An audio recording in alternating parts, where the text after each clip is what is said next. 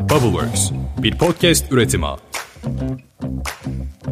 Selam, Kız Başına ve Bubbleworks Medya İşbirliği ile hazırlanan Cam Tavanın Ötesinde kanalının ikinci bölümüne hoş geldin. Ben Türkü.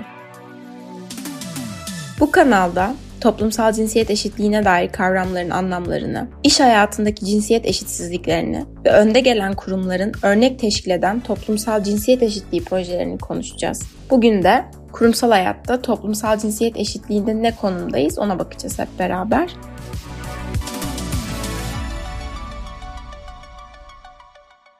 Ücret eşitsizliğine dikkat çekmek amacıyla oluşturulan sembolik bir etkinlik var. Eşit Ücret Günü. Bu yılda 24 Mart'taydı. Bugün aslında kadınların erkeklerin bir önceki yıl kazandıklarının aynısını kazanabilmek için yıl içinde ne kadar çalışmaları gerektiğini gösteriyor. Yani bu ne demek? Mesela 2022 yılında bir kadının erkeklerin bir önceki yıl kazandıklarının aynısını kazanabilmeleri için 83 gün daha fazla çalışması gerekiyor. Bu arada bahsettiğim aynı pozisyonda aynı iş yapan iki insan hani öyle işte biri yönetici, biri stajyer falan gibi değil.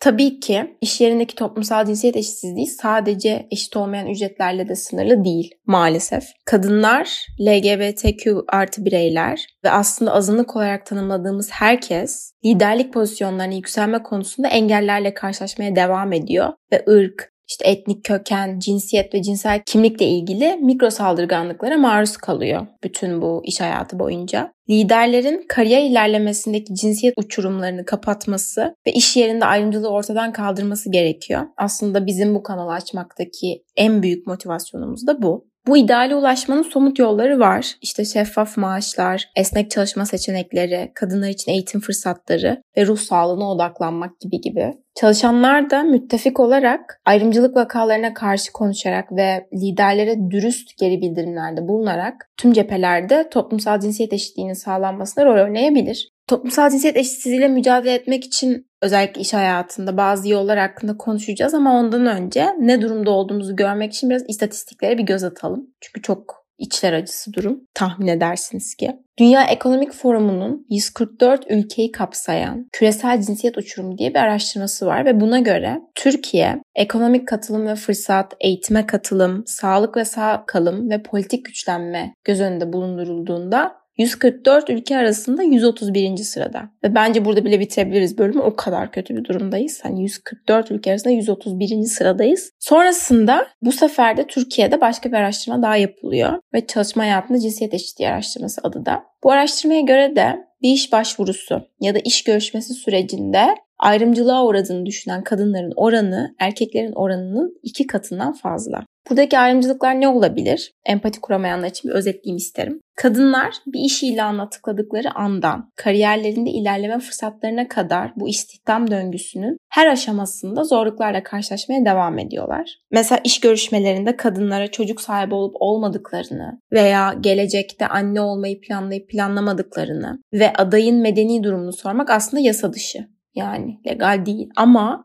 bu işe alım ekibinin varsayımlarda bulunmasını engellemiyor maalesef ve hatta sormaya da devam ediyor çoğu şirket. Bazı yaygın varsayımlar kadınların çocuklarına bakmak için işten erken ayrılmak zorunda kalacakları veya çocuk sahibi olmaları halinde uzun süreli doğum izine çıkacakları yönünde. Bu sebeple soruluyor bu sorular. Ama modern toplumumuzda pek çok çift ebeveynlik ve işte mali sorumluluklar paylaştığında erkekler de iş ve babalık görevlerini dengelemek veya yeni doğmuş bir bebeğe bakmak için babalık iznine çıkmak zorunda kalıyor. Ama iş görüşmelerinde bu konuda nadiren bir damgalamayla karşılaşıyor. Çünkü aslında az yaşanıyor bu durum. İkinci zorluğa geçiyorum. Bu kesinlikle iğrenç bir klişe ama erkeklerin doğal liderler olarak görülmesi yaygınken kadınlar iş yerinde daha çekingen veya iddiasız olarak görülebiliyor ki hiç öyle değil. Tekrarlıyorum, iğrenç bir klişe bu. Bu varsayım kadınların yönetim pozisyonları için işe alınmasını engelleyebiliyor ve büyük şirketlerde yönetici düzeyinde yeterince temsil edilmemelerinin aslında büyük bir nedeni bu.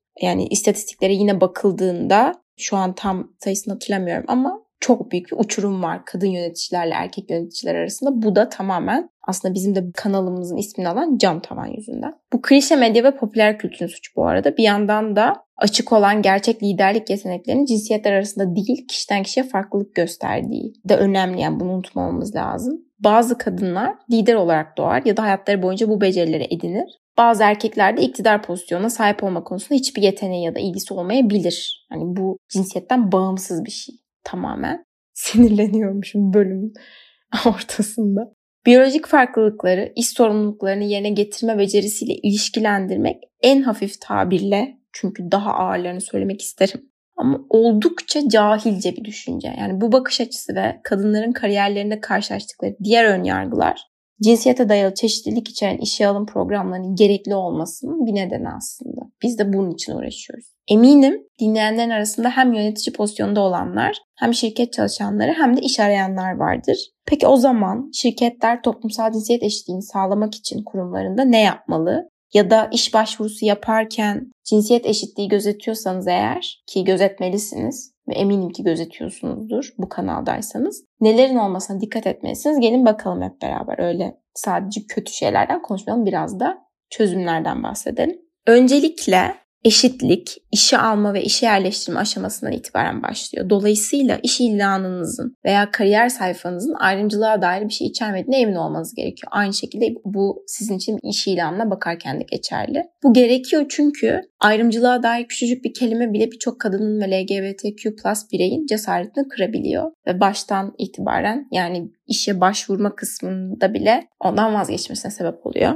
İşe alım prosedürleri iş yeri kültürünüz hakkında da çok şey anlatıyor. Bu nedenle cinsiyete duyarlı soruları ortadan kaldırmak için tüm mülakat sorularını yeniden kontrol etmeniz gerekiyor. Yani birinin medeni halini sormayın mesela.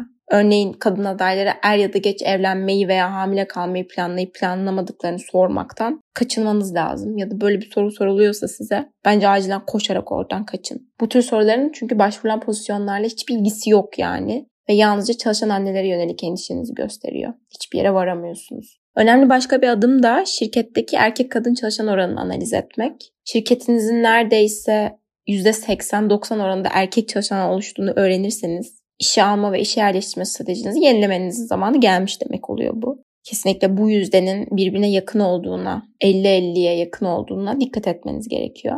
İş ve yaşam arasındaki dengeyi korumak da çok önemli. En çok da çalışan anneler için. Onlara ücretli izin alma ve uzaktan çalışma özgürlüğü tanırsanız üretkenliklerinde bir artış olduğunu göreceksiniz zaten. Ve bunun yanında iş ve yaşamdaki denge için babalık izninin de aslında tüm şirketlerde olması gerekiyor. Bu özgürlük ve esneklik şirketinizi de olumlu yönde etkileyecek. Çünkü iyi bir yaşam yani iyi bir iş yaşam dengesi çalışan memnuniyetine yol açacak ve çalışanların şirkette kalmasını sağlayacak.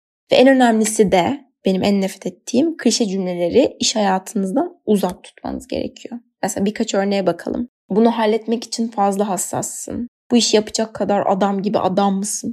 Kadınlar naziktir, böyle işleri yapamazlar gibi gibi cinsiyete bir şey yüklemek duygu yüklemek gibi şeylerden kaçınmanız gerekiyor. Yani 21. yüzyılda yaşıyoruz ama hala her gün kadınlar ve diğer cinsiyet azınlıkları hakkında aşağılayıcı sözler duyuyoruz. Bu klişelerin iş yerinde tekrarlanmaması sağlanmalı lütfen. Hem yönetici pozisyondaki insanlar için hem de çalışanlar için de kullanılmaması gereken cümleler. Ki bunların daha ağırları da var. Ben onlara yer vermek istemedim. Bitmek bilmeyen ayrımcılığı değiştirmek ve daha iyi bir çalışma kültürünü şekillendirmek gerçekten de bizim elimizde. Çünkü kuralları belirleyen de Bunlara uyan da biziz. Şirketleri bireyler yönetiyor. Şirketlerde de bireyler çalışıyor. Ve bu kurallar bu insanları ilgilendiriyor. İş yerinde toplumsal cinsiyet eşitliği sıfır toplamlı bir oyun değil, kolektif bir çaba aslında. Hep birlikte biraz destek ve duyarlılıkla bunu başarabileceğimize inanıyorum. Ve de bu kanala tabii ki de inanmasak bu kanalı da açmazdık. Kız başına da olmazdı. Tamamen amacımız bu. Bu yöntemlerin ayrıntılarını ilerleyen bölümlerde daha da ayrıntılı konuşacağız. Daha farklı şeyler de konuşacağız bu konularla alakalı. Ama bu bölümlük benden bu kadar. Bir sonraki bölümde görüşmek üzere. Kendine çok iyi bak.